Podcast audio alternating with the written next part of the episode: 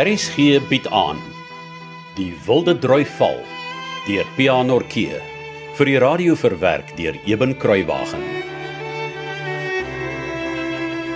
Dankie, ek's reg, goed maar. Stop! Manne! Stop! Is goed. Hou dit so.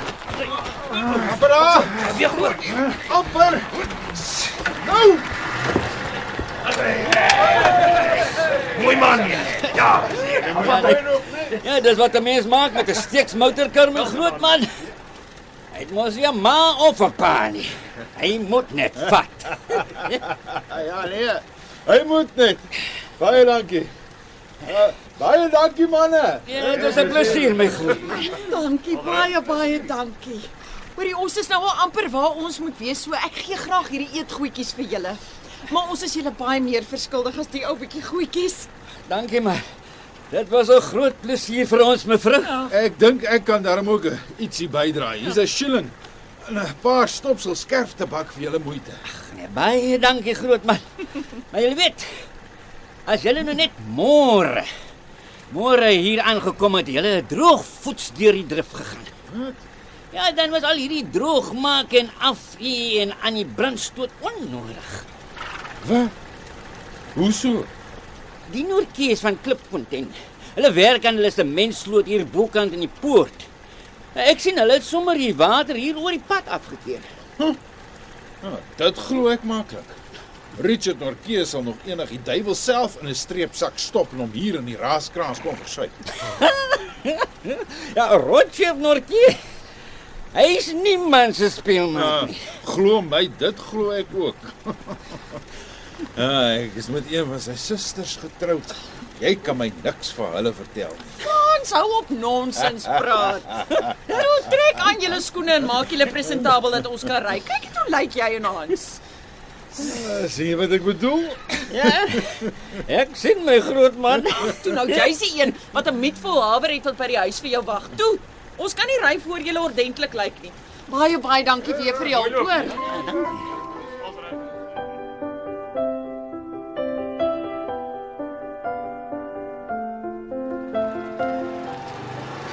Maar wat sit daar by die padwerker se voorman vir hom Richard gegee? Roger. Ja. Roger. nou, hoekom noem hulle hom Richard so? Dis mos nie sy naam nie. Ag, dis sommer hoe die plaasmense hom nog al die jare noem. Moenie vra hoekom nie.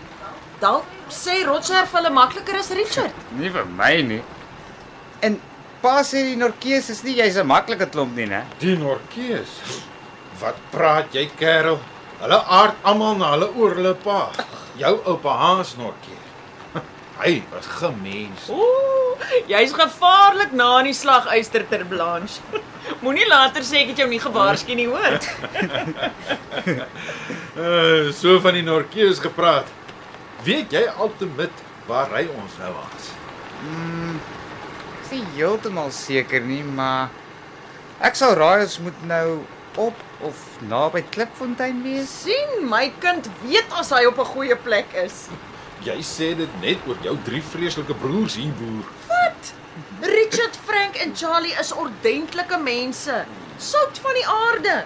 En onthou, jy's met een van hulle susters getroud, né? En deur die genade darm met die mooiste en die beste. O, oh, jy is so na aan binne in die slaguistertrap gehoor. Nou, hoekom sê pa oupa Hans was geen mens nie? Jong. En sy jong het jou oupa Johannes Gerhardus François Norke op 'n dag 'n luiperd in 'n slaguister gevang. Wat? In die ongedierde lewendig in 'n streepsak huis toe gevat. Lewendig. Maar dis mos vrek gevaarlik, pa. Maar ah, ja, ah, En wat het oupa met die luiperd gemaak? om vasgemaak aan 'n paal om bobbejane en kwaaddoeners van die werf af te hou. Regtig? O, dis sal ek nou nie weet nie, ou seun. Ek was mos nie daar nie, maar dis die storie wat ek gehoor het. Oh. En 'n ander keer, nie te lank na hy met jou ouma Polly getroud is nie, het oupa sy skoonouers vir 'n rit met die skotskar geneem. Hmm. Hulle was twee rou Engelse uit Gramstad se wêreld. Van die 1820 setlaars. Hoeka. En toe? Ek dink jou oupa was eintlik baie lief vir die Engelse. Hoe so? Wel, hy het met opset die pen vooruit getrek sodat die skotskar kan tiep. Wat? Hy kon hulle mos doodgemaak het. Ja, maar gelukkig vir hom het hy. Hulle het seker baie seer gekry. Presies hoe seer weet ek nie. Maar dit word vertel die waardige ou heer en sy gade het hulle heeltemal mankoliek geval. Haai. Jy hoef glad nie te lag nie, Hans. Jy het al jou oupa se ondeentheid saam met sy naam geërf. Regtig? Ja. My arme ma het baie keer bitter onder my pa gehad. Ek tog hy was dan so 'n goeie man. O, hy was. Glo my, vry. Maar as hy gier om die dag pak, het hy niks en niemand ontsien. En wat van ma? Na wie aard ma nou eintlik? Ag, ons dogters aard eintlik meer na jou ouma Polly. Nou nie omdat ek haar naam het nie, maar sy's 'n dierbare, sagte mens. Wat seker ook maar 'n genade is, want om dit jare lank met jou oupa uit te gehou het, moes sy souware 'n soort engel gewees het. Wat jou ma eintlik probeer sê, Hans, is dat dit 'n engel soos sy kos om dit met my uit te hou.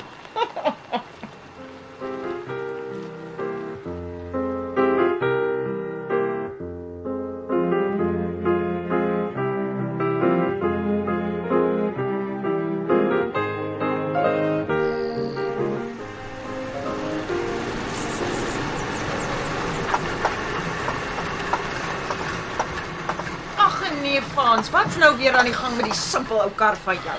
Ek weet nie. Dalk is daar nog water iewers waar dit moet droog wees. Of dalk het een van die drade na die vangproppe los geskit.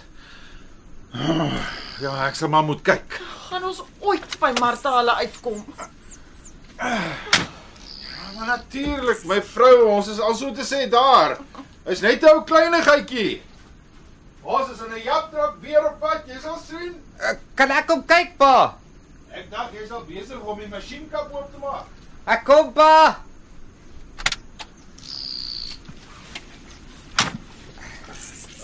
Kom hierdie kant toe om. Ek dink jy sal van hier af beter kan sien wat ek doen. Hoe lyk dit? Kan pa sien wat's fout? Ek sien nie iets nie. Pa? Mm, Pa het gesê party mense noem die Baviaanskloof die doodskus. ehm ja, Want nêrens loop die Winterhoek en die Kougaberge meer as 1 of 2 myl uitmekaar uit. nie. ja. Ja, is reg. En ons is nou op Klipfontein, né? Uh ja. Eintlik is dit boonste Klipfontein, die want 'n paar plase laer af lê daar ook nog 'n onderste O, Klipfontein. oh, ek sien. Maar pa, Ja? hier by boonste Klipfontein lyk dit vir my baie wyer as 2 myl. Jy sien, as jy na die kloof uit die lug kom kyk, sou jy gou agterkom Klipfontein lê in een van die wydste komme in die hele Baviaanskloof. Suid en noord word dit afgegrens deur Winterhoek en die Kougaberge. Ja. en oos en wes deur twee uitlopers van die Kougaberg. Is eintlik baie interessant, hmm. want hulle lê nes 'n treinspoor se dwarsleers ewewydig uitmekaar. Verstaan jy? Ja, dink so. Nou, hierdie dwarsleers lê so 3 myl uitmekaar. Hmm. En albei loop tot amper teen die Windhoekberg. Tot hoe naby? Wel, so naby dat net die harde pad waarop ons nou is, in die rivierbedding daar kan deurgaan. Ons maar baie nou hè, pa. Baie jy kan amper sê gevaarlik nou. Ah, oor die pad en die rivier so na aan mekaar is. Ja. Nou die westelike uitloper is so 'n bietjie van 'n natuurwonder. Oh, hoe so? Eers moet ek dit vir jou sê. As jy nou kyk na die berge en die hange hier rondom ons, hoe lyk hulle vir jou? Oh, vaal en droog. Net so.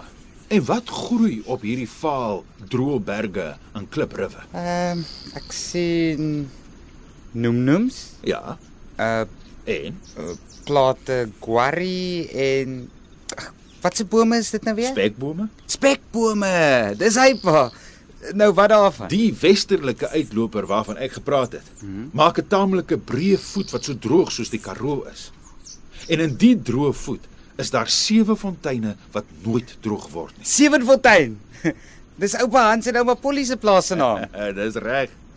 En as jy bo op die rand staan en afkyk op die plaas, sien jy rondom die fonteine wit stinkhoutbome en groot ou wilde vye. Heel anders as die res van die kloof, hè? Ja, nee. Maar wat is by die punt van die ander dwarsleer? O, Dit sal vir jou interessant wees om te hoor. Ja? Haai, is julle besig met 'n aardrykskunde les of maak julle die kar reg? Ons uh, ons wag net vir 'n vonkprop draad om droog te raak. Ons is amper klaar. As ons voormiddagete by Martha hulle is, eet ek jou hoed op vir Hans. Die punt van die oostelike uitloper of dwarsleer. Sy naam is Langbrug. O, en dis waar Kleinpoort is, waar oom Frank hulle bly. Nou toe, verstaan jy die geografie van die kloof 'n bietjie beter? Somme baie. Ah, kyk.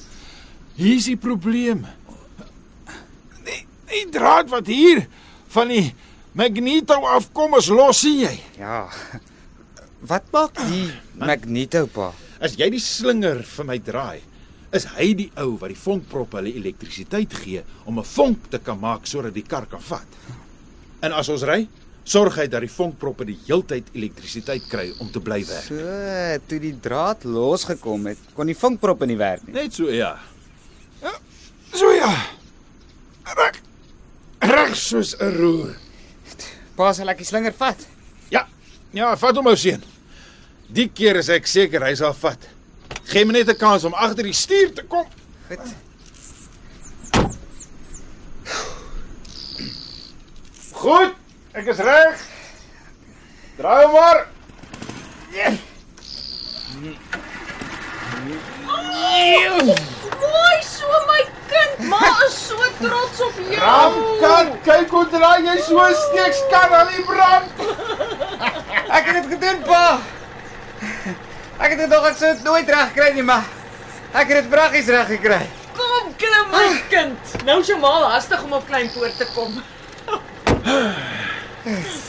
Nou is ons regtig net 'n paar myl van Kleinpoort af julle twee. Apolly, ons gaan so waar voormiddagete by Martha hulle wees.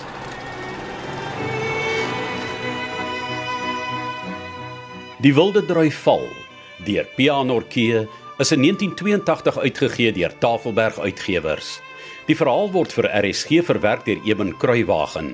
Dit word in Kaapstad opgevoer onder regie van Joni Combrink en tegnies en akoesties versorg deur Cassie Lauers.